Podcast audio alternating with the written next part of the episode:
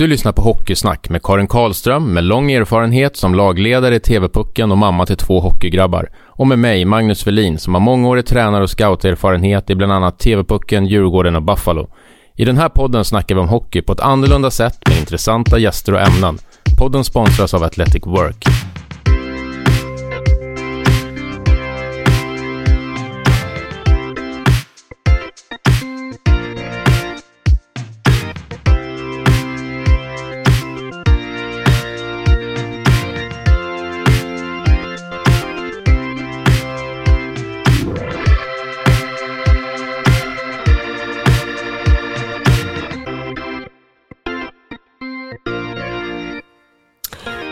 Idag ska vi prata om TV-pucken. TV-pucken är ju någonting som Magnus och jag har jobbat med i, eh, vad är det Magnus, det är tio år. Ja, det närmar, närmar sig kanske i alla fall. Ja, för mig är det tionde året i år. Så ja, där någonstans.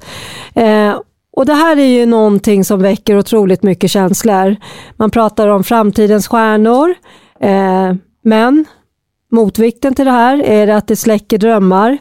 Eh, idag så har vi med oss Anders Lundberg som är ansvarig för spelarutveckling på Svenska Hockeyförbundet. Vi har också med oss Roger Dahlström som är sportchef eh, sedan många år, senaste sex åren i Trångsund. Men vi börjar med att lyssna på två föräldraröster. Vad de, eh, vad de har för syn på TV-pucken.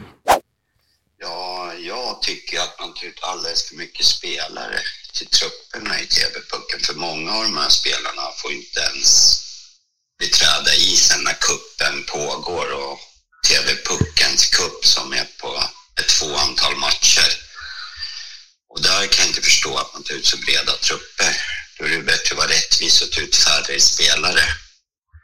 Eller så kan man göra om TV-pucken att förlänga speltiden på matcherna så man måste gå med fler folk. Det är väl den jag tycker är den största. För många blir nog besvikna som inte ens får ställa skridskon på isen under en turnering, en kupp. Hej, Erik Dahlström heter jag. Jag har en son som heter Karl som spelar TV-pucken 2010. Först vill jag bara säga att jag är en stor förespråkare för att ishockey är för alla oavsett kunskap och ambitionsnivå. Svårt att på en, en och en halv minut sammanfatta TV-puckens vara eller icke vara, men jag tänkte ta upp två punkter som jag tycker talar för TV-pucken. Det första är att det är en väldigt, väldigt fin ambassadör för vår ungdomshockey. Jag tror att det är många unga killar och tjejer som sitter hemma i sofforna och tittar på ishockey och blir sugna på att börja när de följer det.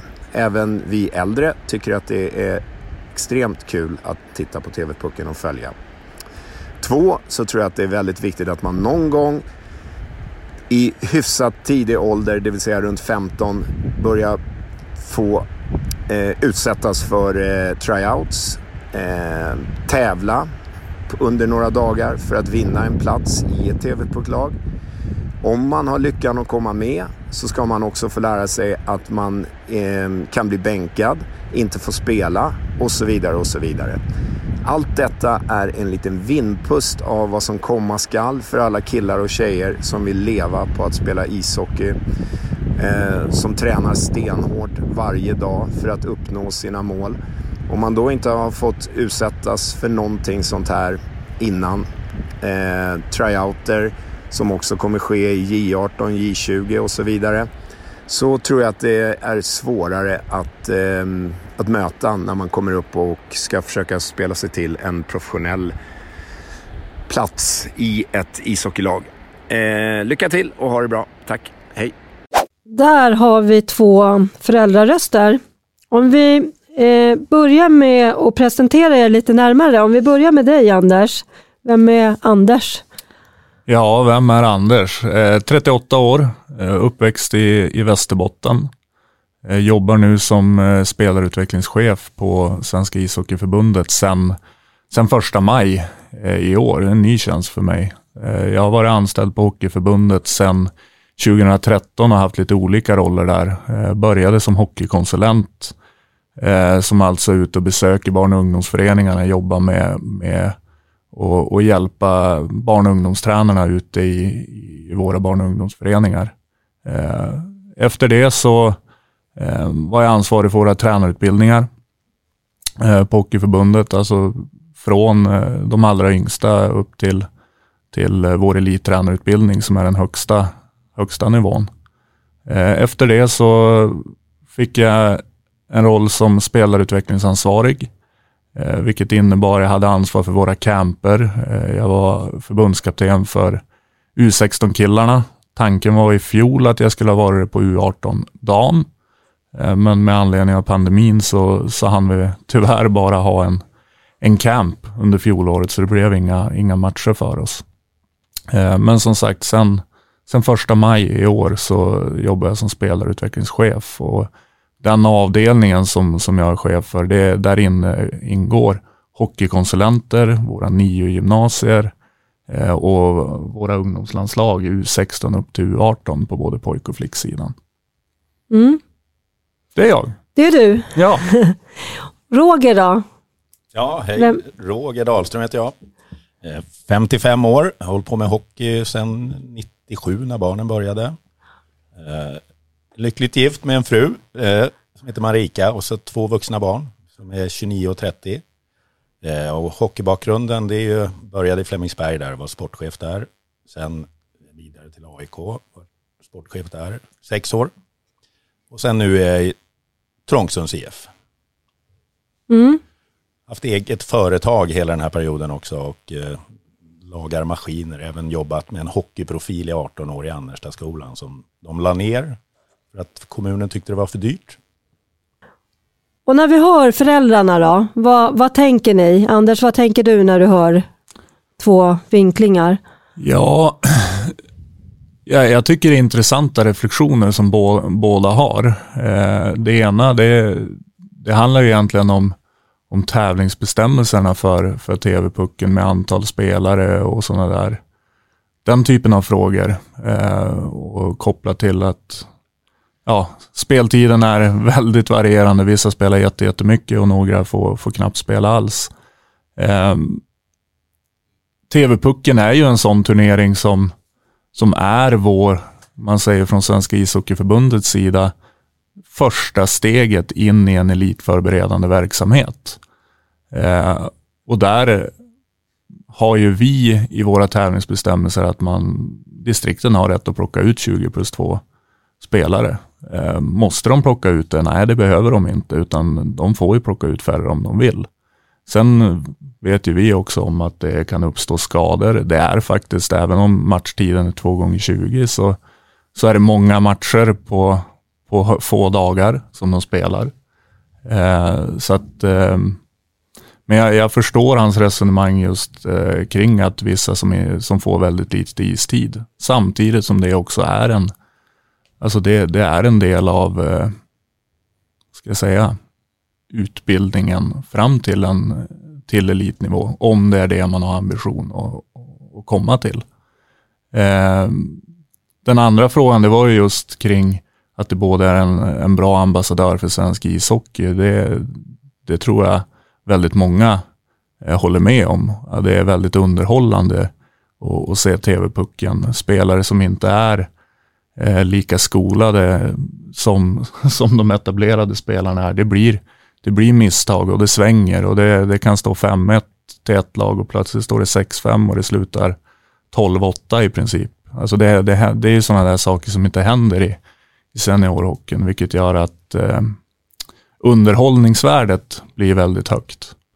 Sen, sen håller jag också med om att det behövs en, en eh, trappa, alltså om, om vi nu pratar utifrån ett elitperspektiv, att det är dit man strävar, så, så är det klart att man längs vägen faktiskt behöver stöta på vissa av de här delarna. Alltså med, med att det är en, det är en uttagning till, till TV-pucken. Jag säger inte att det är en utslagning om man slår bort en massa, utan man plockar ju faktiskt ut ett antal spelare.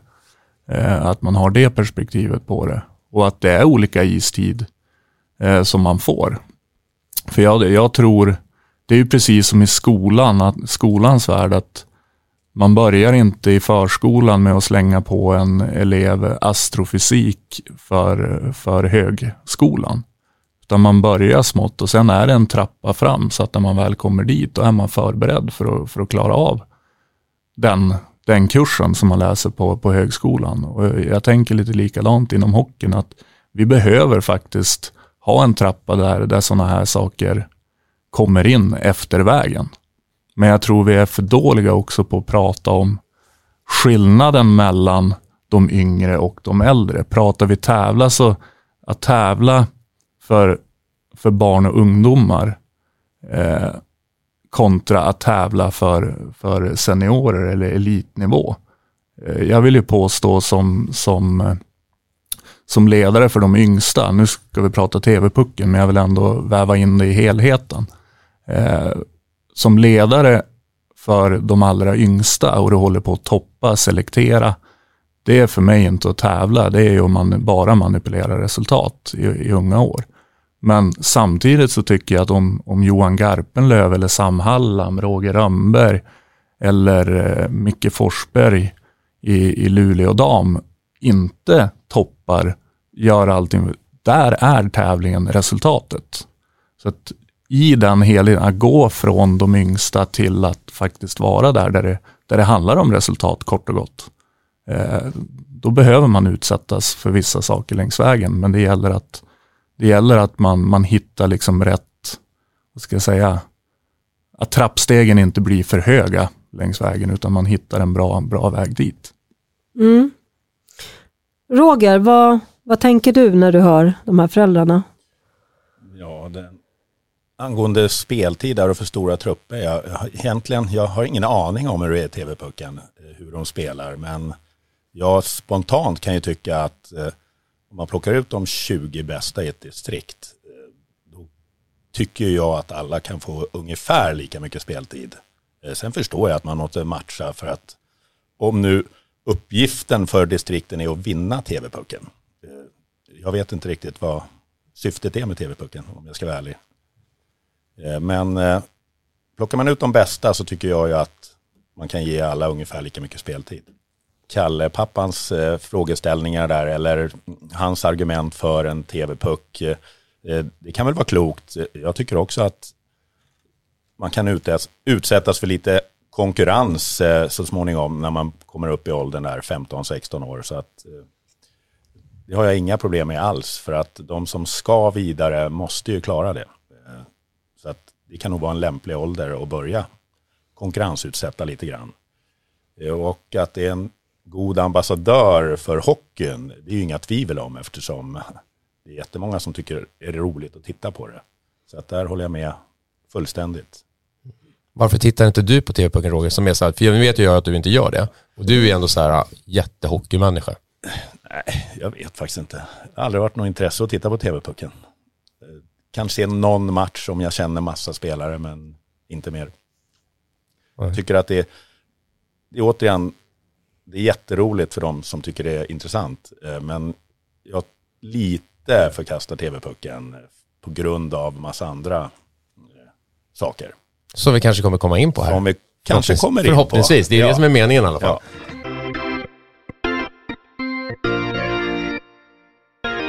Vi är sponsrade av Athletic Work. Athletic Work är ett bemanning och rekryteringsföretag som hjälper personer med någon form av idrottsbakgrund på alla nivåer. Från idrotten får man med sig goda egenskaper som är viktiga på arbetsmarknaden. Viljan att vara bäst och prestera sitt yttersta på tävlingsplanen, som på arbetet, är det mål som Athletic Work och deras konsulter strävar efter.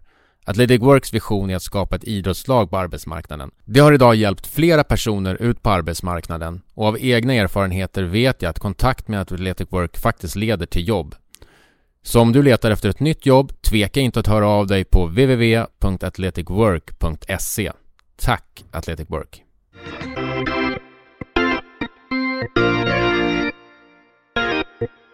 Men om vi då går rakt på liksom för huvudfrågan här och som alltid kommer upp varje år som det är TV-pucken är ju det som Roger tar upp här och vi riktar den först till Anders då. Varför, varför TV-pucken faktiskt finns. Vad är syftet med TV-pucken? Ja, jag ska börja med att säga att det faktiskt nu är eh, från senaste årsmötet, Svenska ishockeyförbundets årsmöte, så kom det upp en motion där just den här frågan eh, ska beredas i Svenska ishockeyförbundets utvecklingskommitté.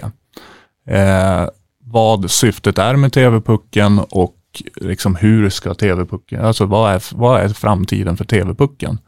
Så eh, ett direkt svar på det är faktiskt svårt att ge med tanke på att det faktiskt ska göras ett arbete om det.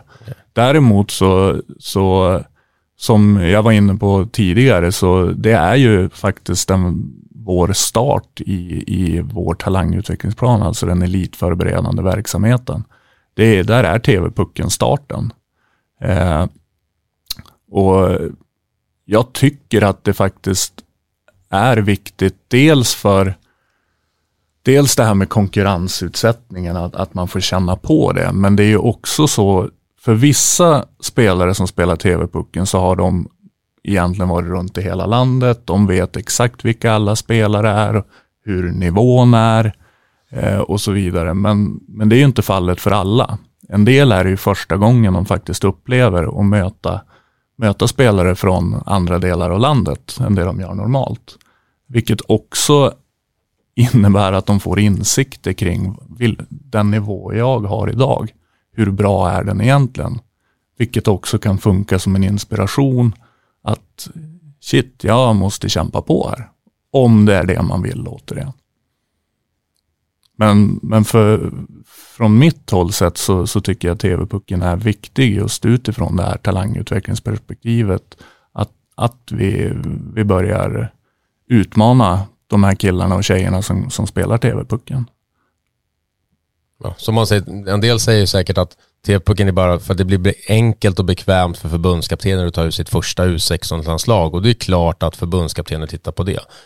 Men det ja. finns ju alltså något, något, större i det i ett längre perspektiv för många spelare, vill du säga? Abs ja, absolut. Alltså ett U16-landslag kommer alltid att kunna plockas ut. Det, det, det är en icke-fråga liksom med TV-pucken. Sen är det självklart att TV-pucken förenklar scouting eftersom man ser väldigt, väldigt många spelare på, på så kort tid. Mm, med och mot varandra också. Med och mot varandra, exakt. Så att eh, självklart så, så förenklar det. Men, men vi ska komma ihåg att vi, vi har tio hockeykonsulenter som är ute i landet, besöker varje barn och ungdomsförening eh, varje år, som har jättebra koll på spelarna i sitt distrikt. Eh, förbundskaptenerna som är på 16-landslaget ute och tittar på väldigt, väldigt mycket hockey. Tar hjälp av övriga förbundskaptener också, tar hjälp av hockeykonsulenter. Eh, man har en bra dialog, bra nätverk, kontakt med, med ledare i distrikten, föreningstränare. Eh, så just scoutingen till ett landslag, det är absolut inte syftet med TV-pucken. Däremot så är det själv, alltså jag skulle ljuga om jag sa att den, den inte hjälper. Såklart. Så är det ju. Jag tänker på det här med, vi, vi brukar prata om det här att det här är för grabbarna på samlingar och sådär. Att det här är ju verkligen bara här och nu. Eh, så vad som händer eller vad ni är om tre år, det säger ingenting om, om det som är nu. Så att man verkligen förstår att det här är en ögonblicksbild kan man säga av deras, eh, där de befinner sig. Eh, det och sen kontra då det ni kommunicerar, att det här med framtidens stjärnor. Tyck, alltså den korrelationen där går ju inte riktigt ihop. Eh, för då blir det ju ändå liksom, redan där så sätter man tonen att eh, det här är det här är de vi ser redan nu, här och nu, som vi har i ett eh, större perspektiv längre fram. Hur ser, ser du på det? Ja, men jag, jag delar den, att, att det blir väldigt tvetydigt. Eh, absolut, och det är någonting som vi har diskuterat också på Hockeyförbundet. Är det verkligen klokt att vi, vi uttrycker oss i, i den retoriken att det är framtidens stjärnor? Samtidigt ska vi också komma ihåg att väldigt många av de som är i framkant är faktiskt också de som, som kommer väldigt långt. Så är det. Men det är absolut inte alla. Och det är dessutom en del av de som kanske är de allra, alltså som ligger allra, allra längst fram under TV-pucksåren som inte kommer dit också. Mm. Så att, alltså, det, det, jag tycker inte att det är svart eller vitt. Nej. För att tittar man rent procentuellt så ja, de flesta spelar TV-pucken. Så är det. Vi, jag menar fem... Alltså av de som sen lever som, på sin som, Ja, som sen lever. De flesta spelar TV-pucken. Så, så är det. Men, och det är inte konstigt heller eftersom det trots allt är 530 spelare varje år om vi pratar på killsidan nu. Eh, som spelar TV-pucken. Och andelen spelare som tar sig till NHL, det, det är ju liksom det är en promille, två promille kanske per ålderskull. Om vi pratar nu NHL-nivå. Alltså det är ett extremt nålsöga att ta sig dit. Så att, men som sagt, vi har flera exempel på, på återigen, vi pratar killar, eh, som inte har spelat TV-pucken och tagit sig hela vägen, spelat i Tre Kronor, spelat i NHL. Eh, men majoriteten har faktiskt spelat TV-pucken. Så är det. Men, men jag vill återigen för, bara förstärka det att bara för att du är duktig och kanske i framkant i TV-pucken så är det absolut ingen garanti heller att du tar det hela vägen. Nej. Bra. Roger, nu fick du höra syftet för, om varför TV-pucken åtminstone har funnits så, så får vi väl se vad de kommer fram till i framtiden sen. Men vad säger du om det syftet då? Behövs TV-pucken då eller är det eller vad säger du? Tveksam till att det behövs. Jag tycker TV-pucken ska finnas eh, för att det är en fantastisk upplevelse för de som får vara där. Eh, man provar spelarna och det är inte så konstigt att flest spelare eh, som går vidare har varit med i TV-pucken eftersom det är de bästa spelarna vi plockar ut till TV-pucken. Så det är inget konstigt alls. Men jag tycker vi måste vara mycket, mycket, mycket tydligare med att det går att gå andra vägen också. För att det blir sån enorm press. Jag vet ju det, jag har jobbat med ungdomshockey nu i 25 år. Så att det är ju helt galet det året eh, TV-pucksuttagningarna mm. är. Eh, och, och, jag vet inte hur alla distrikt jobbar, men som i Stockholm där var väldigt få samlingar. Försöker kanske tona ner det lite, att vi träffas inte flera månader eller ett år eller två innan det tycker jag är en bra modell. Men som i en del andra distrikt där de kanske träffas jättemycket, det blir så uppsjåsat. Mm.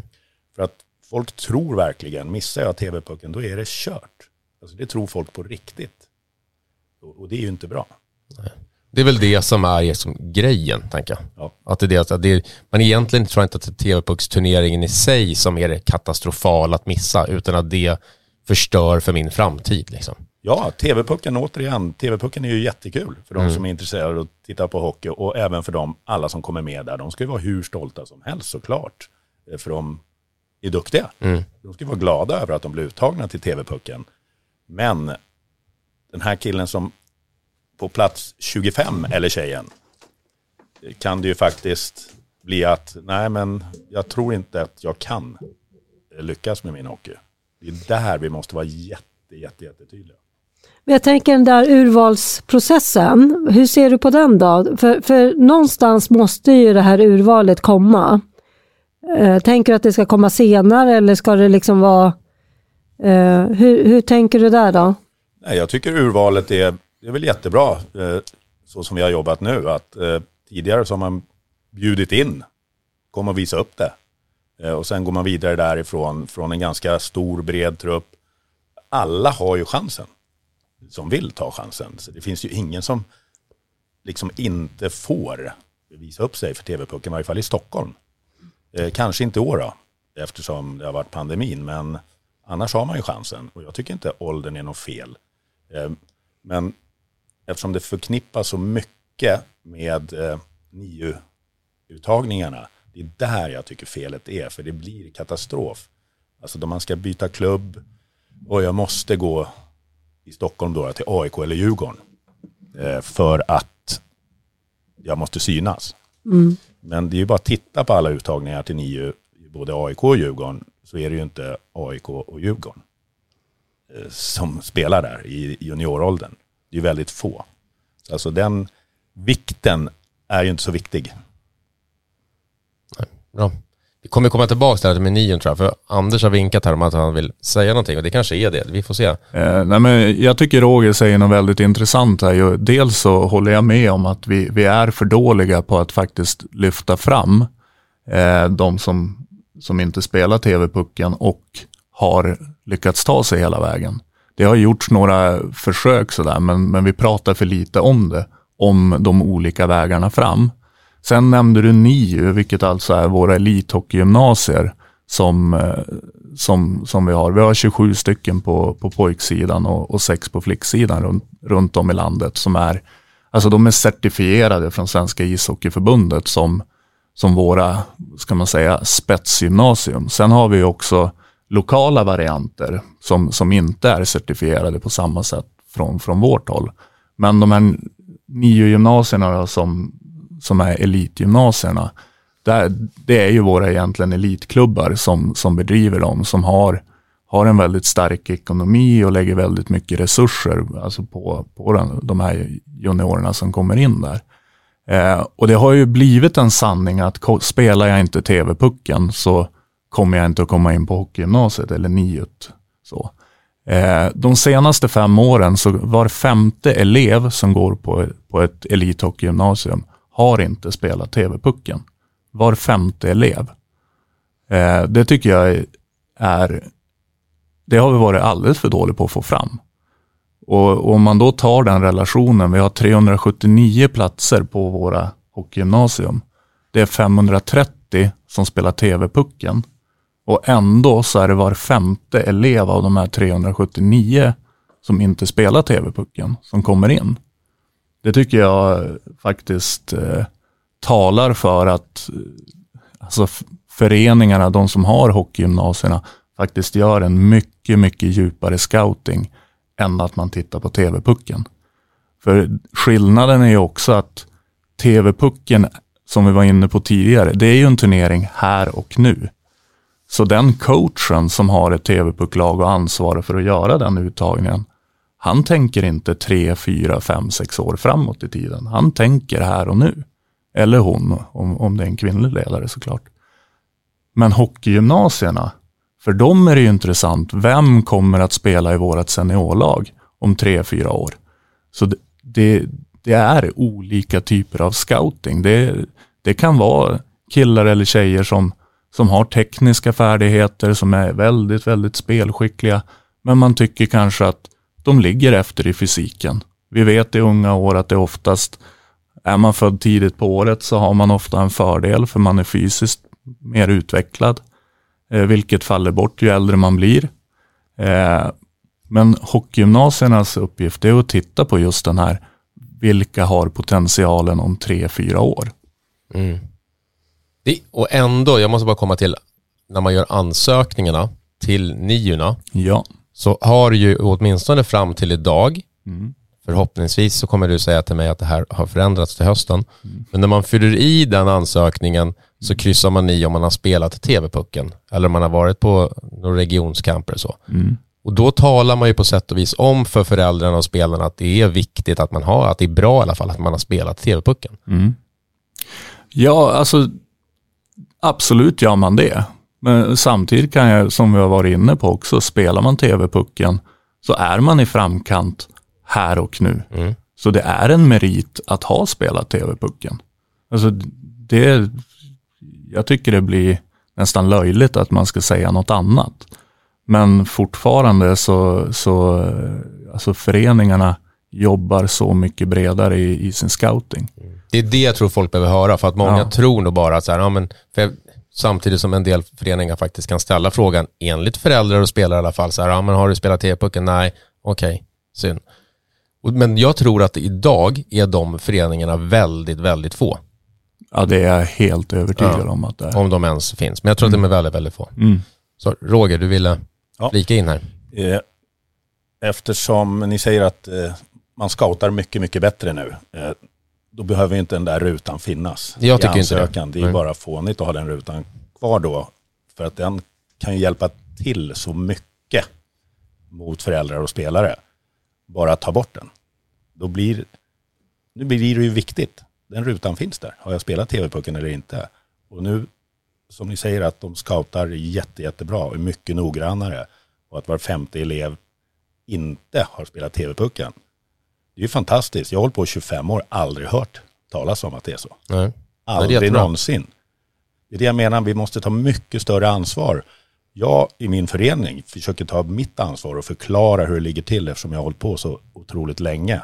Eller otroligt länge, men jag har hållit på länge. Men förbundet, distrikterna eh, måste vara tydligare med syftet med TV-pucken eh, och allt det här som vi har pratat om här hittills idag. Eh, mycket, mycket tydligare. Och även eh, eh Djurgården, AIK i vårt distrikt då. Alltså förklara hur det verkligen ligger till. Så här scoutar vi. Eh, jag vet ju till exempel att nu i år så har man ju scoutat in några spelare innan TV-pucken på NIU. Jag menar, då har inte TV-pucken ett dugg mer att göra. Men föräldrarna tror fortfarande, fortfarande det. Mm.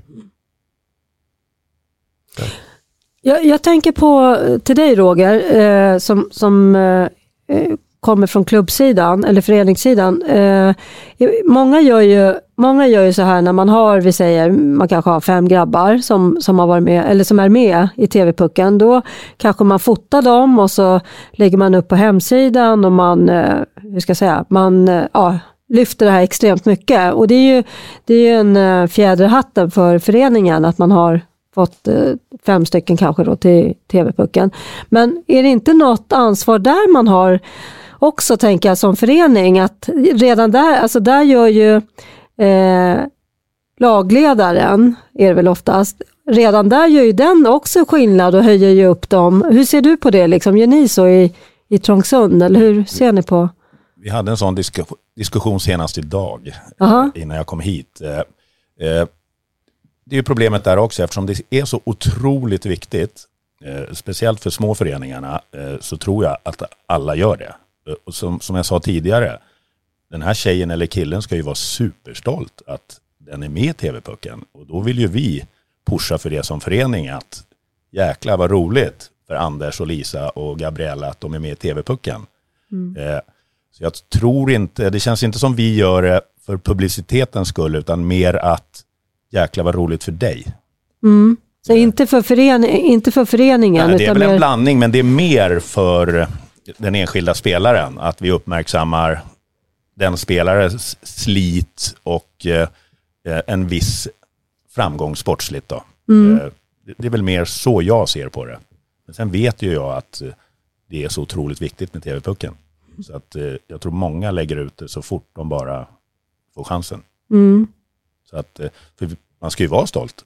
Ja, absolut. Jag tycker inte om det, att det skulle vara så jättekonstigt om en förening gör det så för att ja, men som på sätt och vis marknadsföra sin förening. Det är väl för framförallt som du säger, för mindre föreningar så, så blir det också en signal utåt att man måste inte spela i någon större klubb för att, man, för att komma med i TV-pucken.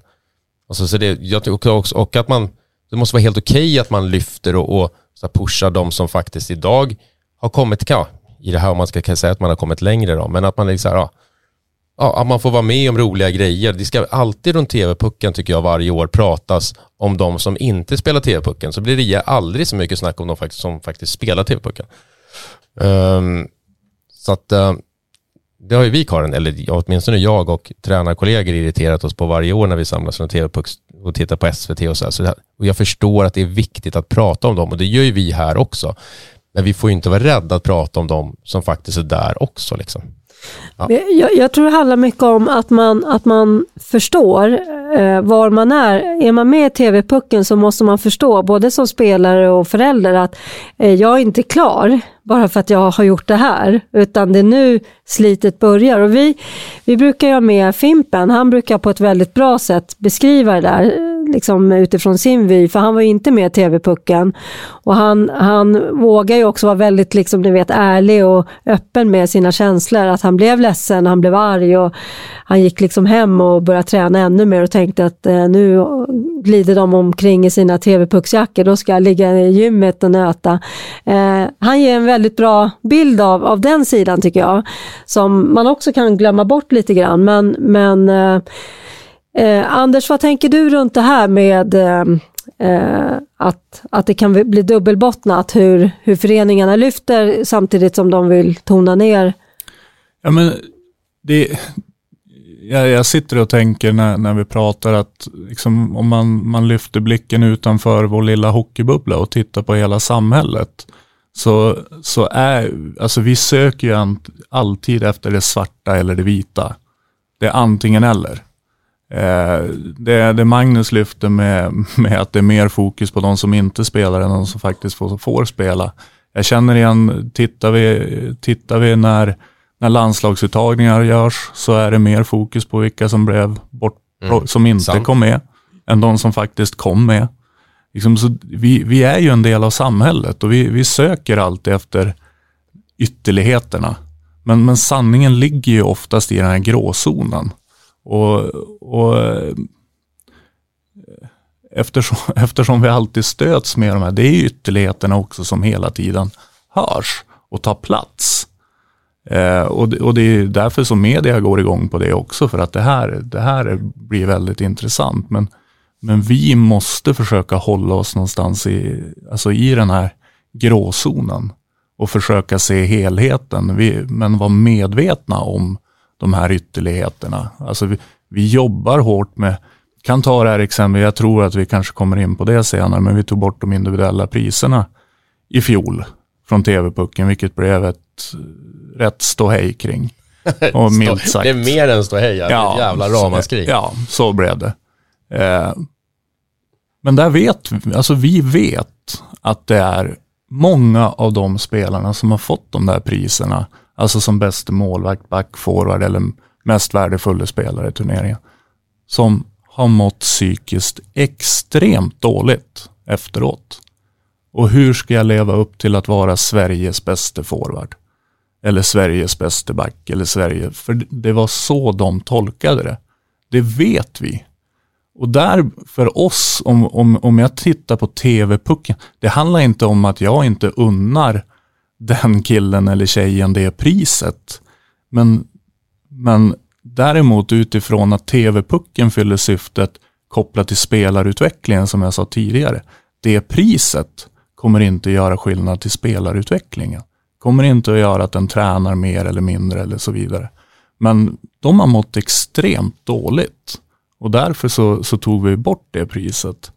Eh, så att, jag menar, så man mår bra, det är okej liksom att ta ut en grupp, men inte peka ut individer att, att de har gjort någonting utöver. Jag tänker de, de tävlar ju ändå med Mm. likasinnade, Mm. eller ja, toppen då. Mm. Och då, då tycker du att det är fel att man, Ja, fel, men, men krasst om, om man får ett pris, vilket syftet är att ge en uppmuntran, grattis, wow vad duktig du har varit. Men kontentan blir att jag mår skit av det. Varför ska vi då fortsätta med priset? när ska man börja med, med det då, tycker du? Att kunna ge sådana typer av priser? Ja, men det, det kommer allt eftersom, säger, alltså vill jag påstå. Nej, men det här, det är som jag sa igen, det här är vårt första steg att börja med den här elitförberedande verksamheten med pressen. Jag pratade tidigare om att, att trappsteget inte får, får bli för stort. Eh, det här kan vara en sån enkel grej som gör att vi, vi tonar ner den lilla pressen på den enskilda individen. Och tittar man också, jag vet att eh, jag stod ju i, i SVT och, och diskuterade det här i, under TV-pucken i fjol. Och Jonas eh, sa det, vi vet ju att ta, får man priserna i TV-pucken där är man garanterad en plats i NHL. Och jag vet att hälften av spelarna som får priser i TV-pucken tar inte plats på, i vårt JVM-lag. Kan den här psykiska pressen ha varit för hård på många? Kanske, jag vet inte, har ingen aning. Men, men återigen, saker är inte svarta eller vita. Och det har absolut ingenting att göra med att vi inte vill ge uppmuntran. Men om, om kontentan är att jag mår skit, varför ska vi dela ut ett pris då? Mm. Det här kommer ju lugna ner sig. Det är ju det är först när det beslutet tas, då Ja. blir det världens grej och sen så kommer det vart eftersom Ja, såklart. Att Exakt. Att få Lillstrimma, alltså bästa back, det har ju genom alla år varit en så här, oh synd, du fick Lillstrimma, då är det kört. För det Ja. var så här dödsdom nästan. Det Precis. Väldigt få som, ja. Ehm, Men det är ju lite också, vi säger att vi ska förbereda dem, konkurrens och allting. Då, kan jag ju tycka att det är lite fånigt att man inte har individuella priser. Men återigen, som Anders berättar här, om man har konstaterat att folk mår dåligt av det, då är det självklart att det ska bort. Men det blir lite dubbelt här också. mm. Eh, Du måste fasiken lära dig Exakt. att nu är det konkurrens. Ja, men du klarar inte av att få ett pris som bäste back eller eh, schysstaste spelaren i turneringen. Eller, så att, ja, jag vet inte riktigt, men jag tycker det är helt okej och bra att man tar bort det om man har konstaterat att folk mår dåligt av det. Självklart. Jag, jag tror inte att vi riktigt förstår den pressen som de här mest, alltså fram, om vi säger de som ligger väldigt långt fram, som de faktiskt, som de faktiskt har. Eh, nu, vi kan ta Alexander Holt som ett exempel som har klarat det extremt bra vill jag påstå. Fötterna på jorden han, och liksom verkar helt obrydd. Men jag tror han hade 40 000 följare på sin Instagram när han var 14 år. Eh, och det är klart, de ser ju extremt mycket grejer där och, och, och blir hyllade och så vidare. Det är en värld som, nu har, nu har jag sociala medier, men, men den pressen som kommer ifrån dem också, det är ju något som inte har funnits tidigare. Om, alltså om vi backar 10, 15, 20 år tillbaka. Så det gör ju också, återigen, vi måste, vi måste hela tiden följa vad händer i samhället också. Vi är inte en renodlad bubbla inom hockeyn kring sådana här saker. För 20 år sedan om, om man fick priset i, i TV-pucken så, ja gud vad roligt, jag hade en bra turnering. Men nu blir det verkligen att du är bäst i Sverige. Wow, du är vår nästa stjärna. Du är vår nästa Lidström eller Foppa eller Sundin eller vad det kan vara. Återigen, problemet är ju på killsidan. Det är därför vi pratar mest om, om killsidan nu. Men, men liksom vi, vi måste följa samhället också och vad, vad som händer där. Har priserna funnits på tjejsidan tidigare också? Ja, de har ju funnits. Ja, Ja. absolut. Det har de. Det har de. Vi hade ju en kille för, för ganska många år sedan som han var ju sponsrad av en hockeytillverkare. Eh, och det där har man ju sett lite nu och då. Eh, det här med energidrycker har ju en del sponsring på och sådär. Och där blir ju också en väldigt outtalad press. Eh, om du får klubbor och handskar och allt vad man nu får. Eh, det blir ju en outtalad press. Men hur, hur agerar du Roger om du ser eh, spelare kommer med fullkittade? Jag har aldrig sett det. Nej, okej. Så de är ju inte många Karin. Alltså som har... Nej, men de finns. Jag Ja, tänker ändå ja. på eh, Ja. det Anders är inne på. Eh, det är ju det som är, eh, för, för jag menar om vi tar då en som har mycket följare, då får ju de en otrolig räckvidd. Det är klart att de utnyttjar de här uh, ungarna även om de bara är 15 år. Så den är extremt, tycker jag, relevant ändå. För det är ju där de också hittar nya sätt och nya arenor att få ut sina varor. Ja, ja, absolut. Jag menar bara att det är inte så konstigt att inte Roger träffar dem för de är inte så många. Men jag håller verkligen med. Jag tycker det är förkastligt att stora företag kastar saker på, på 14-åringar som då som ska vara deras ambassadörer och så här, det här ska man ha. Det är, ju- ja, för Och mig det- är det helt sjukt. Ja, jag har ju inte heller, alltså att jag inte har sett det eh, närmare, jag har hört talas om det och säkert har jag tränat någon som har varit sponsrad på något sätt. Eh, men då, jag har inte upptäckt att det har varit något problem. Jag kan inte nämna något namn. Eh, Han var sponsrad av Bauer eller han var sponsrad av en energidryck. Eh, Jag har inte upplevt det som ett problem, men det kan ju säkert bli som du säger. Det här företaget utnyttjar ju att han har ett Instagram eller hon eh, och så boostar de det. Och den här killen eller tjejen måste lägga ut massor med klipp och nu var jag där och jag vann poäng, poängligan där. Och, Så det är klart att det blir en press. Hade jag upptäckt det eh, så hade jag nog frågat om man inte kunde sluta med det. Men jag kan inte bestämma över någon annan. Nej. Och, och så är det en grej till, det är ju inte bra för ett lag. Eh, om det är så. Eh, tror jag, alltså för lagdynamiken. Eh, om killen eller tjejen kan hantera det, var, var precis som vanligt, då är det inga problem. Men det kan ju komma dem över huvudet också. Mm. Men som sagt, jag har inte sett det på nära håll. Möjligt att det har varit i något lag jag har tränat, men inte upptäckt det som ett problem. Jag tänker är att det finns så mycket andra faktorer än TV-pucken, alltså isolerat TV-pucken som är ett problem, eller ett problem, men som skapar utmaningar. Och det är ju utanför din kontroll, Roger, din kontroll, Anders. Alltså det är ju väldigt svårt att... Eh, där har ju föräldrar en stor, en stor roll såklart. Ja, men jag, jag håller med dig fullständigt och, och, och, det är lite det jag menar också med att vi, vi måste hela tiden se vad händer i samhället. Vad, vad, vad händer där? Vi är inte en isolerad liten bubbla inom hockeyn utan vi är ju alltid en del av samhället och, och det här ser vi ju liksom i, så många andra sammanhang också att väldigt unga människor eh, som blir influencers eller vad det nu kan vara. Eh, liksom, så att det, det är ju därför också som det är väldigt lätt att, för vi söker det svartvita som jag var inne på tidigare. Samma sak så söker vi också alltid det enkla givna svaret. Det är ett svar på väldigt, vi söker ett enkelt svar på väldigt komplexa frågor. Och de finns ju inte, de enkla svaren, utan det är så många olika delar. Men det är därför återigen som vi hela tiden måste vara nyfikna, att vi har, liksom följer det här och, och, och tänker till. Och gör, alltså att ta vårat ansvar för att det inte, alltså att det fortfarande ska vara en väldigt, väldigt positiv sak nu när vi pratar TV-pucken. För det är, det är ju tanken med det. Men kan inte du berätta Anders lite mer ingående? Eh, jag tänker på, ni har ju identifierat väldigt väl vad det är för utmaningar på det, eller det som man reagerar på, framförallt det här med hockeygymnasium. Eh, vad, vad, är det exakt ni gör då för att ändra och liksom switcha om den här bilden av ja, att det hänger ihop? Alltså väldigt mycket handlar ju om, alltså vi, vi har varit inne på det, men, men alltså hur vi kommunicerar kring det, den är superviktig. Och där, jag tycker inte vi har varit tillräckligt bra från, från förbundets sida eller från egentligen hela hockeyrörelsens sida. Eh, jag tror ju bara det faktum att, att det nu är tillsatt att vi, TV-pucken ska ses över. Vad, vad, är verkligen syftet med TV-pucken? Hur ska den spelas i framtiden? Det tror jag är ett jättesteg framåt för att det faktiskt ska bli en enad bild om vad, vad TV-pucken är, vad den ska stå för.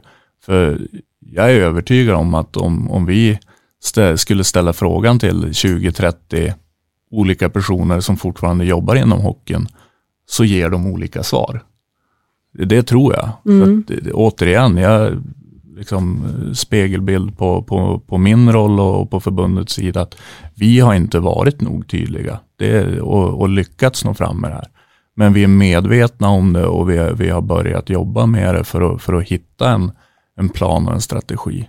Sen är en utmaning eh, Eh, för, för oss, det är ju att nå rätt människor. Eh, den är jättesvår. Att, att från förbund, nu pratar jag från förbundets sida, men, och det är därför som jag säger vi måste, vi måste ha en enad hockeyrörelse kring det här, att vi, vi pratar samma språk, att vi är enade. För om, om vi tar föräldrarna och, och det som sticker iväg där, det är ju föreningarna som har kontakten med föräldrarna. Men föreningarna måste ju få det genuina stödet från, från distrikten och från, från oss på Svenska Hockeyförbundet så att vi pratar samma språk. Att den föräldern, pratar den med någon annan individ så, så säger inte den något annat än, än om, om man ställer frågan till Roger. Men nå rätt människor, det, mm. det du menar då är föräldrarna? Eller? Bland annat. Bland annat. Bland ja. annat. Vilka är det mer? Ja, egentligen är det ju, är det ju alla som är involverade. Alltså, jag, jag tycker fortfarande vi kan, vi kan utbilda, alltså det kan vara NHL-scouter och, och förklara för dem där. Det kan vara eh, våra, våra tränare ute i föreningarna. Det kan vara sportcheferna. Alltså egentligen är det allihopa. Men, men, men att hitta alla de här olika kanalerna. Vi kommer aldrig att nå alla om vi gör det på ett sätt. Utan vi måste göra det på olika sätt för att, för att fånga upp alla och det är svårt. Eh, du säger andra röster. Vi har eh, ställt frågan till eh, några spelare, så vi, vi lyssnar på vad de säger, vad de har fått med sig från TV-pucken. Hej, jag heter Jonathan Lekkerimäki, spelar för Sörmlands 04. Det jag fick med mig från TV-pucken var att jag fick spela mot bra spelare och njöt av situationen med bra publik och en härlig stämning. Tja, jag heter William Westlund, eh, var med i uttagningen till Stockholms Nord 03 och spelas till vardags i Djurgårdens J20. Eh, det jag tar med mig från eh, uttagningarna till TV-pucken där jag tyvärr åkte ut i sista uttagningen är att man får tävla med de bästa från varje distrikt men även fast man inte kommer med så är det en rolig resa att göra och man lär sig alltid något nytt och sen visar även på att eh, oavsett om man kommer med eller inte så kan man komma in på ett hockey, hockeygymnasium och eh, resan fortsätter. Eh, även fast det såklart var bittert att inte komma med så knöt jag näven och eh, skulle visa coachen att eh, jag är bättre än de som kom med där och eh, min resa fortsätter eh, här i Djurgården och eh, det är något som eh, visar att eh, man ska inte ge upp även fast man inte kommer med. Charlie här, jag spelade i Stockholm Syds 02 er eh, och det jag tar med mig från TV-pucken var att det var roligt och lärorikt. Eh, man fick anpassa sig efter nya miljöer och nya spelare som man spelade med och en ny röst bakom båset och sen fatta en roll efter vad som behövdes i den situationen. Eh, och att alla i ett lag behövdes på sin specifika plats. Här fick vi höra lite grann om, om spelare, både som fick möjligheten att spela TV-pucken och en spelare som, som var med i uttagningen och inte kom med till TV-pucken. Uh, eh, vad säger du Roger kring det som, som grabbarna säger här? Äh, återigen det som jag sagt tidigare, att eh, kommer man med i TV-pucken ska man vara stolt och glad och det är såklart en jätteresa som förmodligen för 95 procent är positiv. Eh, och som den andra killen, kommer inte ihåg namnet nu, men som missade TV-pucken i sista uttagningen. Som bara, nej men jag ska visa att jag kan visst spela hockey fast jag inte spelar i TV-pucken. Men det är där jag tycker att vi, vi är alldeles, alldeles för dåliga att förklara det. För alla, föräldrar, tränare, sportchefer, eh, spelare, allt och alla eh, tror att du måste spela i något Sweden Select eller vara med i TV-pucken eller synas i några tabeller i filbytercup som U14. Alltså, vi har inte förklarat för alla att du tuggar på i din förening och kör så länge det är bra där. Alltså de har bra utbildning, de tränar mycket. Var kvar. Du kan bli hockeyspelare och leva på det. Utan att gå den vägen den blir ju lite rakare. Det kan vi inte hymla med. Eh, men det beror ju på att du är duktig. Du tas ju inte ut i TV-pucken på tur. Utan de spelarna som är där är ju duktigare än eh, medlet. Eh, och sen tycker syftet med TV-pucken som Anders var inne på här, det ska de ju eh, diskutera då. Men för mig, TV-pucken går ju ut på att vinna TV-pucken. Och det tycker jag inte heller vi snackar om. Nej, men det tror jag är ganska olika. Ja. Alltså från förbund till förbund också, att om man faktiskt spelar TV-pucken för att vinna TV-pucken eller för något annat. Ja. Och då måste man vara tydlig där också. Mm. Och då mm. måste ju svenskan vara tydlig eh, till alla distrikt. Att vi spelar TV-pucken för att alla ska få prova på den här konkurrensen, tävla med de bästa. Eller klara av att bli uttagen eller klara av att inte bli uttagen. Eller vi spelar TV-pucken för att distrikten ska göra allt de kan för att vinna TV-pucken. Vi vet ju inte varför TV-pucken är till. Och återigen, koppla tillbaka till eh, spelarna då. Jag försöker förklara för alla spelare, vi, vi pratar väldigt lite TV-pucken eh, i de föreningar jag har varit i genom åren. Eh, för jag har ju sett så många som har gått andra vägen. De har inte varit i närheten av TV-pucken. Och till och med blivit draftade och uttagna till J20-landslag och så vidare. De har kommit väldigt sent. Och det, Anders var inne på det tidigare, att vi tar inte upp dem heller. Eh, och sen finns det ju bara tre, fyra platser på varje position som vi tävlar Exakt. om. Så att, jag menar, det finns fyra platser på högerbacken. Och när man förklarar det för föräldrar och barn, då bara, ja, det kanske inte är så tokigt att inte komma med. Eh, alltså, du, du kanske söker eh, Magnus en rollspelare, du har, du har tre skickliga backar och nu vill du ha en sån back eller du har tre centrar som du vill ha, då söker du en defensiv center. Sånt kommer inte heller fram. Nej. Återigen, TV-pucken är en fantastisk upplevelse tror jag. Eh, men vi måste vara mycket tydligare från svenskan och neråt ut till allt och alla. Varför? Och att den inte ska knytas för mycket till hockeygym. Nej Och det sista du säger där, där är det ju många som tänker att varför spelar inte TV-pucken på våren U16-året istället när HG, alltså NIU-intagen är klara? Anders, har du något svar på det? Eller finns det i diskussioner eller omöjligt? Eller? Ja men dels så spelar vi, vi spelar ju SM-slutspel eh, för U16 eh, på våren. Och, och sen är det landslagssamlingar. Vi, spelar, vi har ju faktiskt ett U16-landslag också. Mm. Eh, så att jag, jag tänkte på det när du sa att det finns ju bara ett, ett fåtal platser man tävlar om. Eh, liksom, beroende på vad man sätter för perspektiv i det. Nu sticker jag ut hakan lite grann, men ska jag ta på mig landslagsögonen på riktigt, mm. riktigt nu på landslags, då tycker jag att TV-pucken är en breddturnering. Och det tror jag sticker i väldigt många, mångas ögon när jag säger det. Men återigen, de 530 spelarna, det ska bli 22. Mm. Det är en extrem skillnad.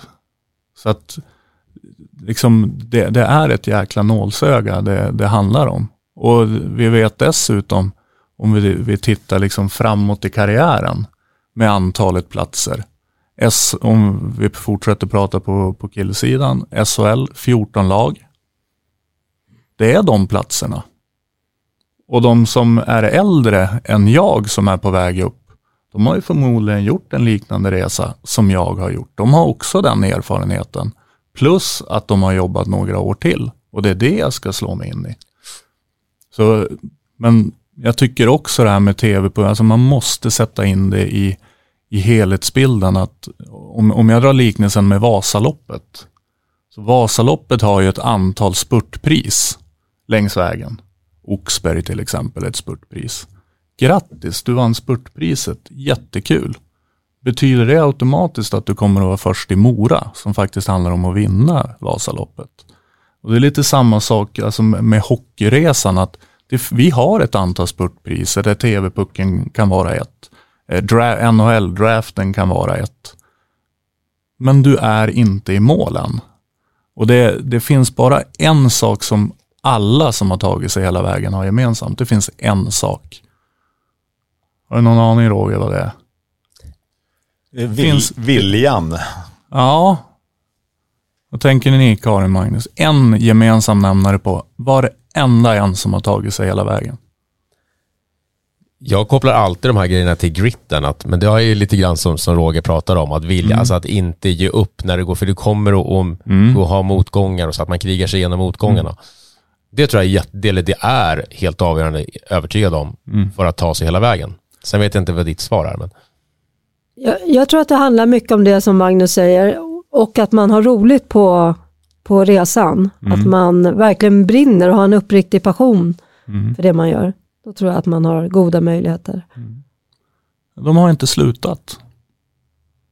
Nej, det har du helt rätt i. Det är den, en, det är den enda med, alltså, som gäller alla. De, de, har inte slutat. Fast det är sant ju. Det ja. är sant. Mm. Sen kan det vara olika saker. Och självklart, det behövs grit och man behöver ha roligt. För har man inte roligt kommer man att sluta. Mm. Men ingen av dem som har tagit sig har slutat. Återigen här till TV-pucksuttagningarna. Vi har ju fyra, fyra platser i, i varje lag. Eh, och på, då blir det åtta platser totalt med nord och syd eh, på varje position. Mm. Om jag inte räknar helt fel. Och hockeygymmen som vi har i Stockholm, där finns det ju också i princip åtta platser varje år. Eh, vi har ju fyra hockeygym, nio. Om man räknar med Södertälje har jag med i det här, för det är ju AIK. Då är det fem. Om vi, om vi räknar Uppsala också? Eller ja, alltså, inte Uppsala mm. har jag inte mm. tagit med, men mm. fyra, fem. Ja, då, mm. Om vi är med Uppsala så är det fem. Då finns det ju tio platser egentligen att kriga om. Så att kollar man bara rent vad det finns för möjligheter att gå vidare utan att vara med i TV-pucken så finns det ju goda möjligheter om man vill spela hockey. Och återigen, vi måste trumma ut allt sånt. Så att folk inte Ja, och att man inte behöver gå på, nu kan ju hockeygymnasiet kunna vara ett eget avsnitt förhoppningsvis, men det är ju inte heller den enda vägen att Nej. gå liksom. Så att det ska vi också vara klara med. Nu, mm. Karin, du ville svänga tvärt här.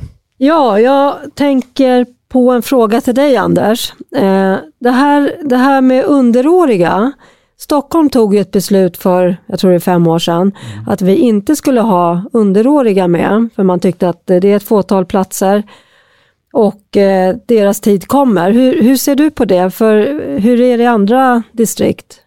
Men det ser lite olika ut och, och det, det, måste vi också komma ihåg när vi pratar tv-program. Vi inte bara får ha Stockholmsperspektivet på den. Eh, utan det ser olika ut. Jag menar, tittar man, tittar man på, om jag tar ytterligheten, Gotland, de måste ha underåriga för att få ihop ett lag. Mm. Så, så det, det är en självklarhet. Men, men jag tycker definitivt att de distrikt som har har eh, nog med spelare att, att man ska gå på en ålderskull. För de som kommer under det, de får deras möjlighet. Alltså det, det tycker jag. Vi har, ju, vi har ju det på landslaget också, både U16 och U17-landslagen. Att vi tar inte ut underåriga spelare. Det, det, är det två eller det är tre år sedan som vi fattade det beslutet. Så där, det är ingen underår, det är ingen U15-spelare som spelar med U16. Däremot U18 och när vi ska spela VM, då åker vi med bästa laget för att vinna VM. Men hur ser du på att vissa distrikt har med underåriga? Har ni någon ja, men, rekommendation eller bestämmer ni eller vad? Nej, vi, vi, det ska man också komma ihåg att, att Svenska ishockeyförbundet, de, Svenska ishockeyförbundet, det är ju föreningarna. Det är inte vi som sitter som tjänstemän som fattar alla de besluten vi är där som sakkunniga för att, för att svara på lite hur-frågor, alltså vi, för, att, för att svara på huret. Men, men vad också så vidare, det är ju förtroendemannaorganisationen. Det vill säga alltså föreningarna som väljer, som, som väljer sin distriktsordförande som sedan fattar beslut liksom på våra årsmöten. Och det, det där är också någonting som det är väldigt enkelt. Nu låter det som att det går i försvarsställning. Det är klart att vi ska ta vårt ansvar. Men Många gånger så pekar man på att förbundet måste göra. Men vilka är förbundet? Alla föreningar är förbundet. Det, det, den tycker jag är viktig. Däremot, vart står jag i frågan? Så, så tycker jag, som jag sa, att, att underåriga behövs inte om man har förutsättningar att, att kunna spela med ett renodlat ålderslag. Mm. Vad tänker du Roger? Nej, jag tycker också, eh, som Anders är inne på, att eh, du får ju faktiskt vara med i den här grejen nästa år när du har rätt ålder. Varför ta en killes eller tjejs plats att du är bättre just nu? Då får det väl räcka med när vi tävlar i, i VM i juniorsammanhang, tycker jag. För att eh, du ser fler spelare eh, på vägen om du har renodlade åldersgrupper och du vet kanske i de här distrikten att den här killen eller tjejen är jätteduktig, kan vara med. Men jag tycker att absolut ha rätt åldersgrupp. Eh, Eh, just det resonemanget, det är ju så vi tänker när, när vi pratar landslag. Som jag sa att vi inte tar in underåriga. Vi har ju också, om man tar U16-landslaget, där har vi tre turneringar varje år. Skulle jag ta ut helt nya, eller Marcus Korpinen som nu är förbundskapten, skulle han ta ut tre helt nya lag, det är 66 spelare, 66 platser. Vi har liksom som en måttstock att 40 spelare ska ha gjort landskamper U16-året. För återigen, det handlar om utbildning i de här åren. Eh, och det är just av den anledningen som, som du är inne på, att att ge många spelare utbildningen. Alltså vi, skulle vi ha som en mål, absolut målsättning, apropå det jag sa med spurtpriser och inte att vi ska vinna spurtpriset och vinna U18-VM till varje pris. Så skulle vi självklart gå mycket, mycket smalare. Och nu pratar jag på landslagsnivå. Så liksom hela tiden den här balansen med, ja, alltså, vi behöver utmana, det behöver, vi behöver få in de delarna, men också att man inte går för smalt. Och det är ju faktiskt en av svensk ishockeys absolut största styrkor vi har, att vi tänker så.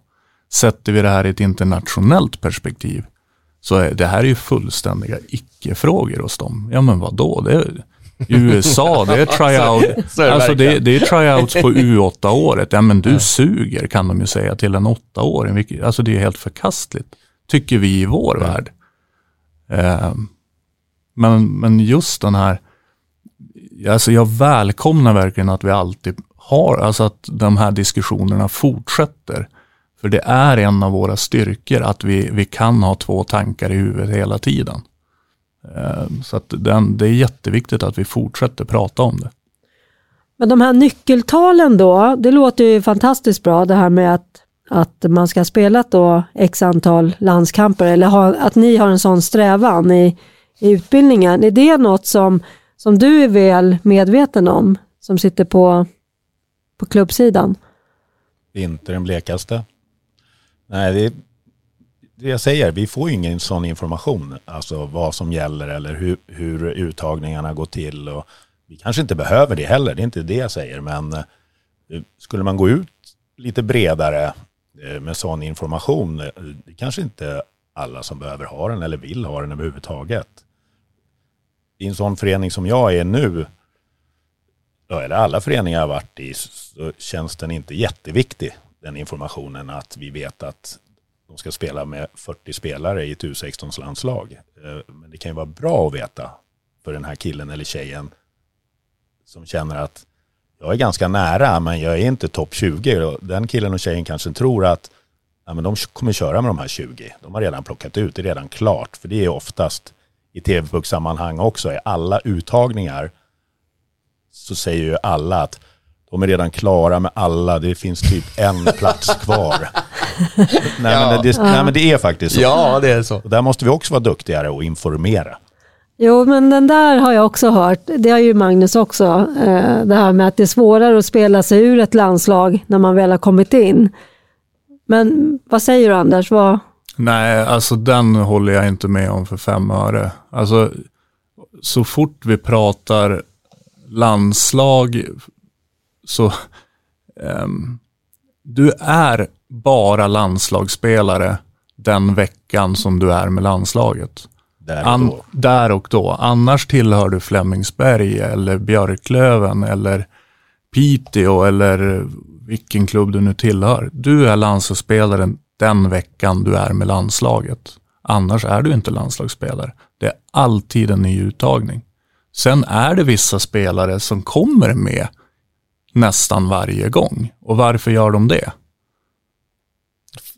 För att de är väldigt, väldigt bra. Ja, Antagligen led, de exakt. ledande spelarna antagligen. Exakt. man- Alltså för att ha de- någon form de- av stomme då som kan... Ja, precis. För det, det är också en sån eh, dynamik i ett landslag att vi behöver ju också, vi har en vecka och ska hinna få en grupp att jobba tillsammans. För hockeyn är ett lagspel.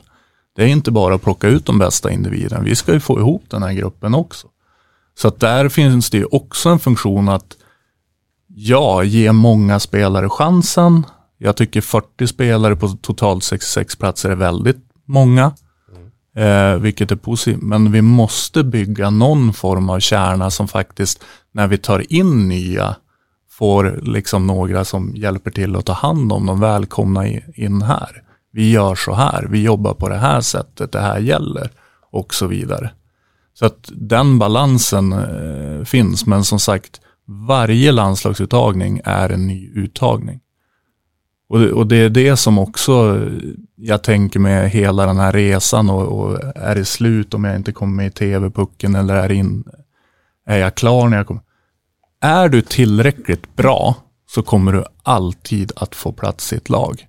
För coachen vill alltid ha det absolut bästa laget. Så är det.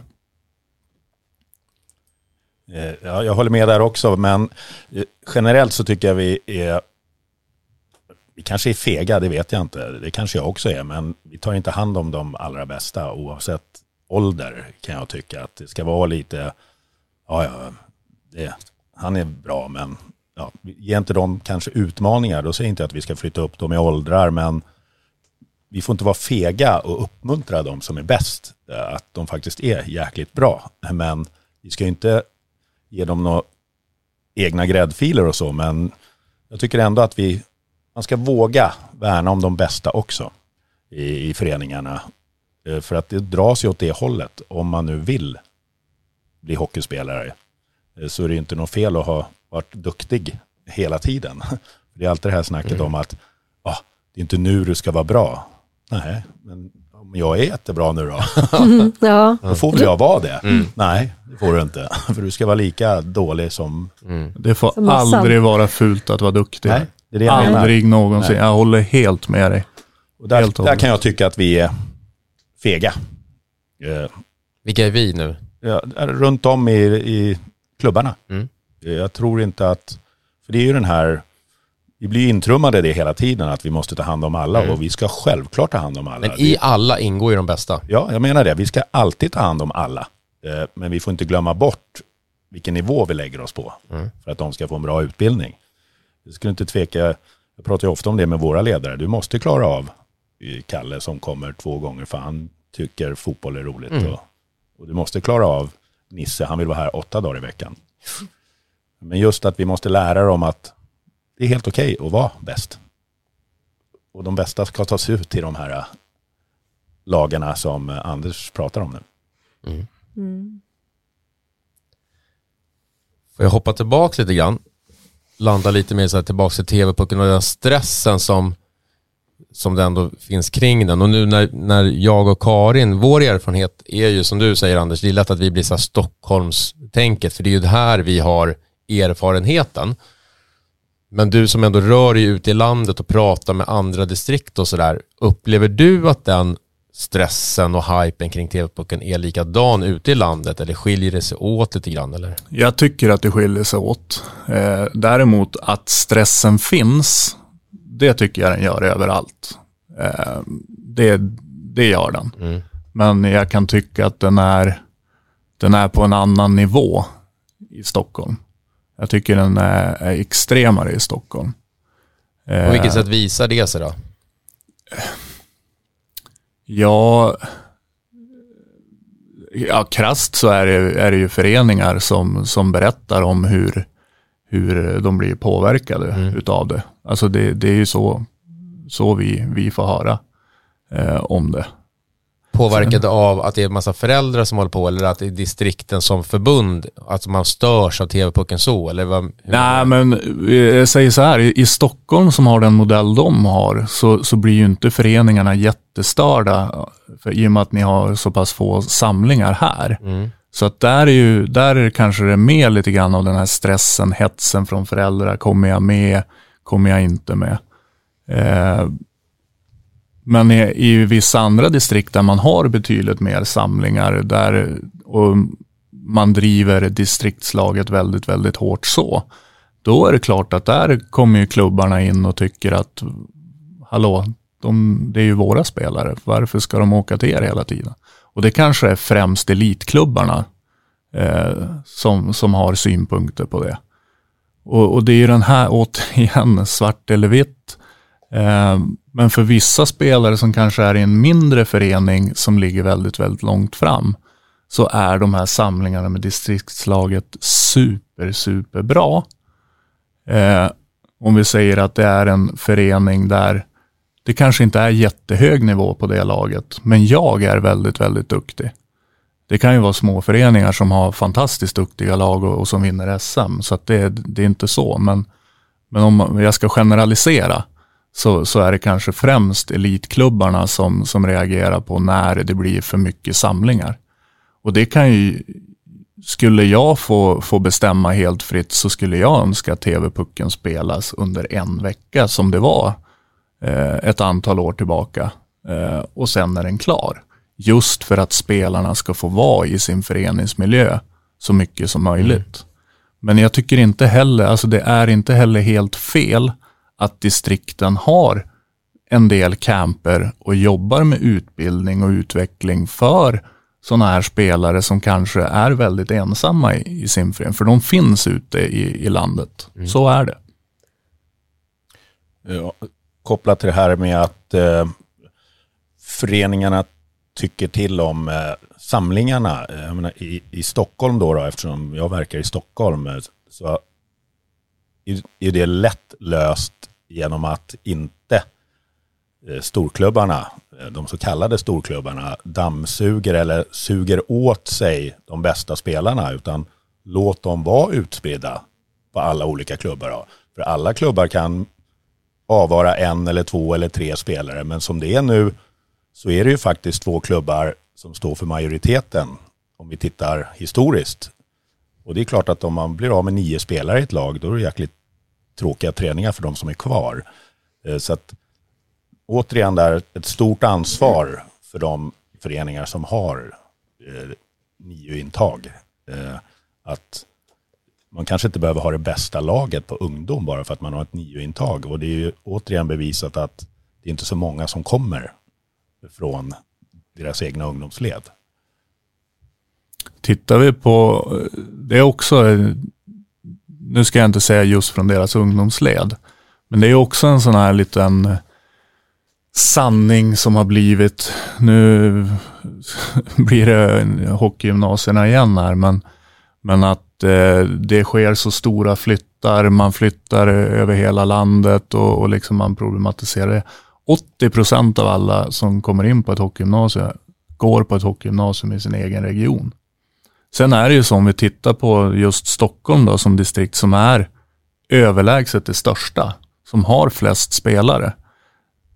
Ofta är det stockholmare som flyttar utåt i landet. Men där är det så pass goda, vad ska jag säga, transporter. Alltså det, man, från Arlanda tar man sig överallt i landet.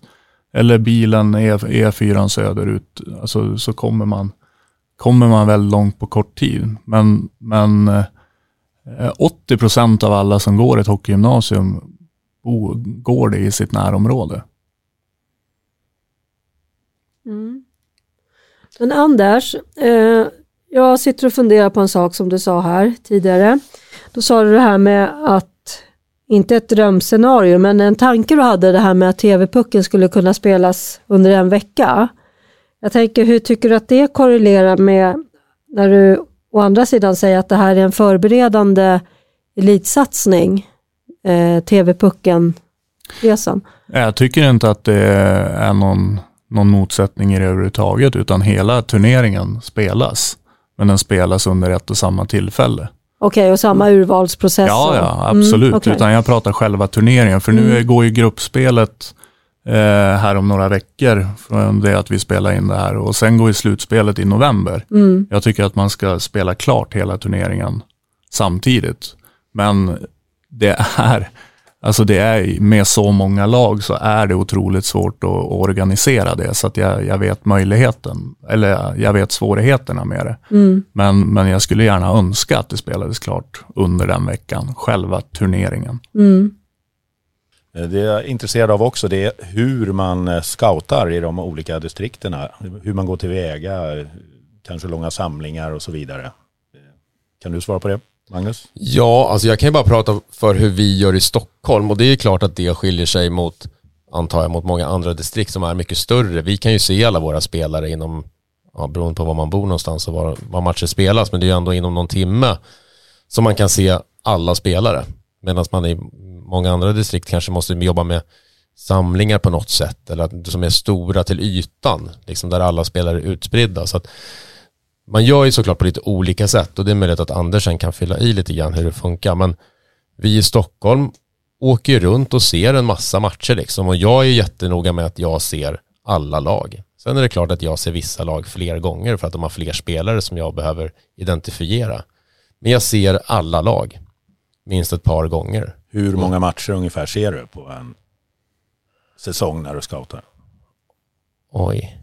Så jag har räknat det här någon gång och då har det varit någonting på drygt 200, 220 eller 230 matcher. För siffran jag har hört, som jag förmedlar till alla som säger att det är ingen scouting, då har jag hört siffran 200. Jag brukar mm. säga att Magnus tittar faktiskt på 200 matcher för mm. att ta ut det här. Mm. Ja, det är, tack för det. det är, ja, men det är bra att det har spridits då. Alltså. För det gör jag verkligen. För att, och det är ju för min egen skull, för att jag ska ha känslan av att jag faktiskt sett alla och givit alla den chansen. Och sen har jag ett så, så mycket kunskap som möjligt om, om allting. Liksom, så att jag kan ta ett så, för, som jag tycker, så bra beslut som möjligt. Sen är jag ju fullt medveten varje år att folk tycker att jag tar ut fel lag. Det, är liksom, det rör inte mig i ryggen, det är det enda jag är bombsäker på. Men jag kan ändå se mig själv i spegeln och säga att jag har gjort det här så bra jag har kunnat och ha så mycket med mig som möjligt. Det är ju det är också den här äh, tysta sanningen eller kafeteriasanningen eller vad man nu ska säga. att om Han har faktiskt inte kollat på oss någonting men eh, du har ju sett alla lag. Då, då kan ju du gå med högt huvud så Ja, att säga. Sen exakt. Det är det som är skönt. kommer ju folk tycka att du har tagit ut fel lag som sagt. Varje gång. Och det brukar ju du Magnus säga också på föräldramötena, att eh, det enda jag är säker på det är just det här att jag tar ut fel lag, för det finns lika många lag som vi är här inne. Ja, och att jag är helt Det- ointresserad av att höra vilka fel jag har gjort. För det. Garpen skulle inte vara intresserad av om jag ringde till honom och sa att du skulle ha gjort så här istället. Okej Mange, säger han då. Tack. Nej, men det, det är alltså alla, alla eh, coacher som, som eh, gör en sån uttagning, alltså tror jag kan skriva under på det där alla dagar i veckan. Just, alltså man, man tar aldrig ut rätt lag. Alltså, så är det ju bara, men, men jag känner verkligen igen det där, när du har sett alla lag, då har du också svaren om, det, om frågorna kommer. Alltså det blir ju också ett syfte i en uttagning att liksom, man vill ha sett sp- spelarna även om jag inte har tagit ut dem. Det, det känner jag igen från, från de åren jag hade U16-landslaget också. Att liksom alla de spelarna som, det, det är lite grann därför vi har hela den här campverksamheten också ef- efter TV-pucken. Liksom att vi fångar upp så många fler spelare än de som faktiskt är aktuella här och nu. Men då vet vi, vi har sett dem. Jag, jag kan svara när frågan kommer från, från den lilla föreningen också att så här ser det ut. Så att den där scoutingen är, den, den är väldigt viktig. Om inte minst för, för coachen själv, Mm. tänker jag. Exakt. Och sen är det ju som du säger, jag fyller i lite grann med, med övriga distrikt där, att man, man jobbar ju annorlunda.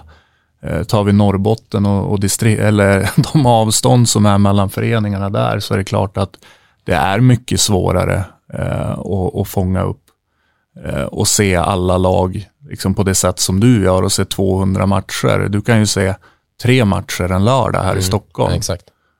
Och det, det är ju helt omöjligt där uppe. Liksom. Så att det är ju olika förutsättningar. Sen ska man inte heller liksom, sticka under stol med att viss scouting också sker med video. Mm. Om man ser matcher med video. För man har inte möjlighet, alltså det, det är tidseffektivare. Jag tycker inte det är lika bra att scouta på video själv, men Det är bättre Jo, än ingenting. men- bättre än inget, exakt. Men- Men den första scouting kan ju vara en dialog med föreningarna. Ja, ja. Det är Absolut. också. Det har jag, Dialogen, det kontakten. har jag också. Och i och med att jag har det så tror ju föräldrar att det är tränarna som tar ut laget, vilket det inte är. Men jag försöker ju att samla så mycket information som möjligt. Uh, sen gör jag min egen bedömning. Liksom.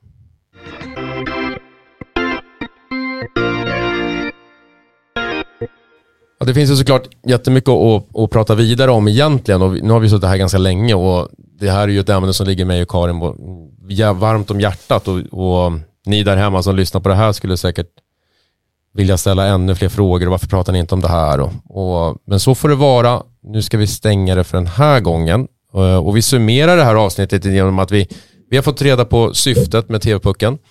Eh, och att, det, att man diskuterar ett framtida syfte dessutom.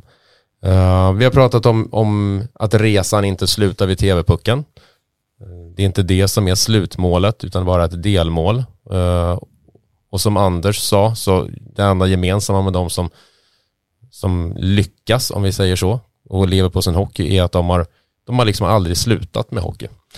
Um, så att det är inte TV-pucken som, som, som ska avgöra det. Vägen till, till målet kan se olika ut och den är helt individuell. Eh, vi har fått en tydlighet kring gymnasium. Intressant för oss andra här, förutom Anders då, som visste det här, att, att var femte eh, spelare som går på hockeygymnasium faktiskt inte har spelat TV-pucken. Det var nytt för oss alla. Men också att vi vågar vara stolta. Eh, vi som får spela, vi säger jag som får spela TV, jag har ju inte spelat TV-pucken. Men att de som spelar TV-pucken måste få vara stolta över det, att, de, att de gör det. Och, och att vi även vågar lyfta de som faktiskt är där och prata om dem och att, att, det, är, att det är helt okej att vara bra. Eh, bra, men innan vi stänger helt så har ju ni fått en fråga att fundera på och det är vad ni skulle vilja höra om eller någon, något ämne eller någon gäst som vi skulle, skulle kunna ha i podden? Anders, vill du börja? Ja, jag kan börja. Jag velar ju mellan två ämnen. Säg två då. Får jag säga två? Ja, det får du. Ja, men vi- har ju varit inne på det, men att, att prata om hockeygymnasierna. Mm. Eh, och jag tänker både få representant från, från oss från förbund som kan berätta hur hela certifieringsbilden eh, går till. Eh, hur, hur, driv, hur drivs jobbet ute på hockeygymnasierna? Och även såklart representant från, från hockeygymnasier. Eh, det skulle jag tycka var jätteintressant. Mm. Och det andra jag har tänkt på det är ju liksom utifrån mycket av det vi har pratat om idag med, med selekteringar, eh, den typen av frågor, men liksom få ett internationellt perspektiv på det. Mm. Hur tänker man i andra länder? Hur funkar det där? Eh, hur ser man på svensk hockey i andra länder? Hur är bilden utifrån där? Det skulle också vara intressant. Väldigt Tänker intressant. jag. Ja, Mm. Den var helt ny. Mm. Som vi inte har tänkt på själva heller. Jättebra. Kanon, tack för det. Roger, har du några tips? Jag har inga tips men Men, jag kan väl försöka Ja. tipsa. jag var ju också inne på det här med, med hockeygymmet, att det måste förtydligas eh, hur den processen går till och eh, hur man jobbar och att man verkligen tittar på spelarna och eh, gör en väldigt ordentligt urval innan man väljer spelare och att det inte har, hänger ihop med tv-pucken. Eh, det är, det är en hjärtefråga för mig för att den förstör så mycket. Eh, sen en annan eh, grej som jag tycker vi pratar för lite om, eh, inom, i varje fall inom Stockholmshockeyn. Vi snackar om aldrig nästan om att utbilda bra spelare. Eh, utan eh, det är så mycket snack om allt annat, förutom att vi ska utbilda bra spelare. Man får inte träna för mycket, man ska inte vara bra nu, utan man ska tydligen bara vara bra när man är 24. Men eh, jag tycker vi måste prata med eh, några som har lyckats, om man, nu har lyckats för att man spelar i NHL. Men det är ändå ett slutmål för många av dem jag jobbar med. Och där måste man våga prata om att du har fasiken inte kommit till NHL och hållit på med alltså, olika grejer, tränat tre dagar i veckan, eh, högt upp i åldrarna. Alla jag känner som har lyckats, de har ju faktiskt hållit på med hockey tio dagar i veckan. Eh, och det måste fram. Det går inte att bli bra i hockey om du inte spelar hockey. Och där tycker jag vi också är urfega. Vi pratar hela tiden om två gånger i veckan är lagom för en U10. Varför är det det? Om, om han älskar hockey och farsan och han, eller morsan och han kommer ner till den här ishallen eller med dottern sex dagar i veckan, ska inte de få göra det då? Det är väl självklart att de ska få göra det. Jag, jag brinner ju för det. Jag ger ju alla, oavsett om de är U9 eller U16, i, i de föreningar där jag jobbar och har jobbat. Det, alla spelare i Trångsunds IF kan nu under försäsongen innan matcherna börjar kan träna fem dagar i veckan. Sen struntar jag i om de är åtta år eller 16 år. Helt ointressant för mig. Och en del kommer varenda gång, en del kommer en gång, en del kommer fyra gånger. De kan spela fotboll, innebandy, hockey. Eh, De kan göra alla de här grejerna några dagar i veckan. För varför, om du älskar hockey, varför ska du bara få träna två gånger då? Och den som spelar innebandy, fotboll och hockey rör sig sju dagar i veckan. Eller åtta, för oftast går de ifrån innebandyn till fotbollen eller hockeyn till innebandyn. Så att prata mer om hur vi kan göra bra hockeyspelare. Och det vill jag att ni hjälper mig med att få tag i någon som kan snacka om det. Att det Och berätta om sin resa. Ja, eh, att det kanske inte bara är som, för de exempel man tar nu, det är ju spelare som är 50 år eh, och 40 år. Och det var inte likadant då. Jag, jag tror inte att det är på samma sätt som när eh, Foppa, Sudden, ja, you name it, som det är nu. De som kommer fram nu har tränat hockey och det är jäkligt mycket, tror jag. Mm. Intressant ju. Jättebra. Lite provocerande också kanske sådär mot. Det är ju skitbra. jag. ja men så att inte provocerande, tänka så. provocerande. Nej men det är många, alla säger ju tvärtom. Ja, jag vet. Och att det är så här inte bra att spela Nej, hockey. och det får vi inte bara- göra. Och vill en unge komma till ishallen sju dagar i veckan, gör det. Mm. Du är välkommen. Jag ska träna dig alla sju dagarna. Jag lovar. Ja, det är bra Det det. där skriver vi ner. Ja, det är vi. Karin, nu kan du börja igen. Du som har din gamla karriär i Fock Farsta. Du är välkommen sju dagar i veckan. Nej, Bevis- Queens har faktiskt bara två. Jag ljög. Ja. Queens och Vets har bara två gånger i veckan. Ja, du ser. Och B-laget har bara en. Så det var inte alla. Nej, Nej. men de flesta. Ja. Ja. Bra hörni. Ja, men då så. Imorgon så börjar ju kvalspelet för killarna och nästa vecka så är kvalspelet för tjejerna. Så att ni som nu har fått möjligheten att vara med där, njut av er resa för det är en fantastisk resa att få vara med om. Eh, så njut av den och stort lycka till. Och ni som inte kom med, knyt näven och kör hårt. Eh, ni kan lika väl nå ert slutmål som de som nu får spela. Eh, Sådär va. Stort tack Anders och Roger för att ni ville komma hit idag och prata TV-puck med mera blev det ju. Eh, Så stort tack för det. Stort tack till er som har lyssnat. Och så hörs vi om ett par veckor igen. Tack. Tackar. Tack.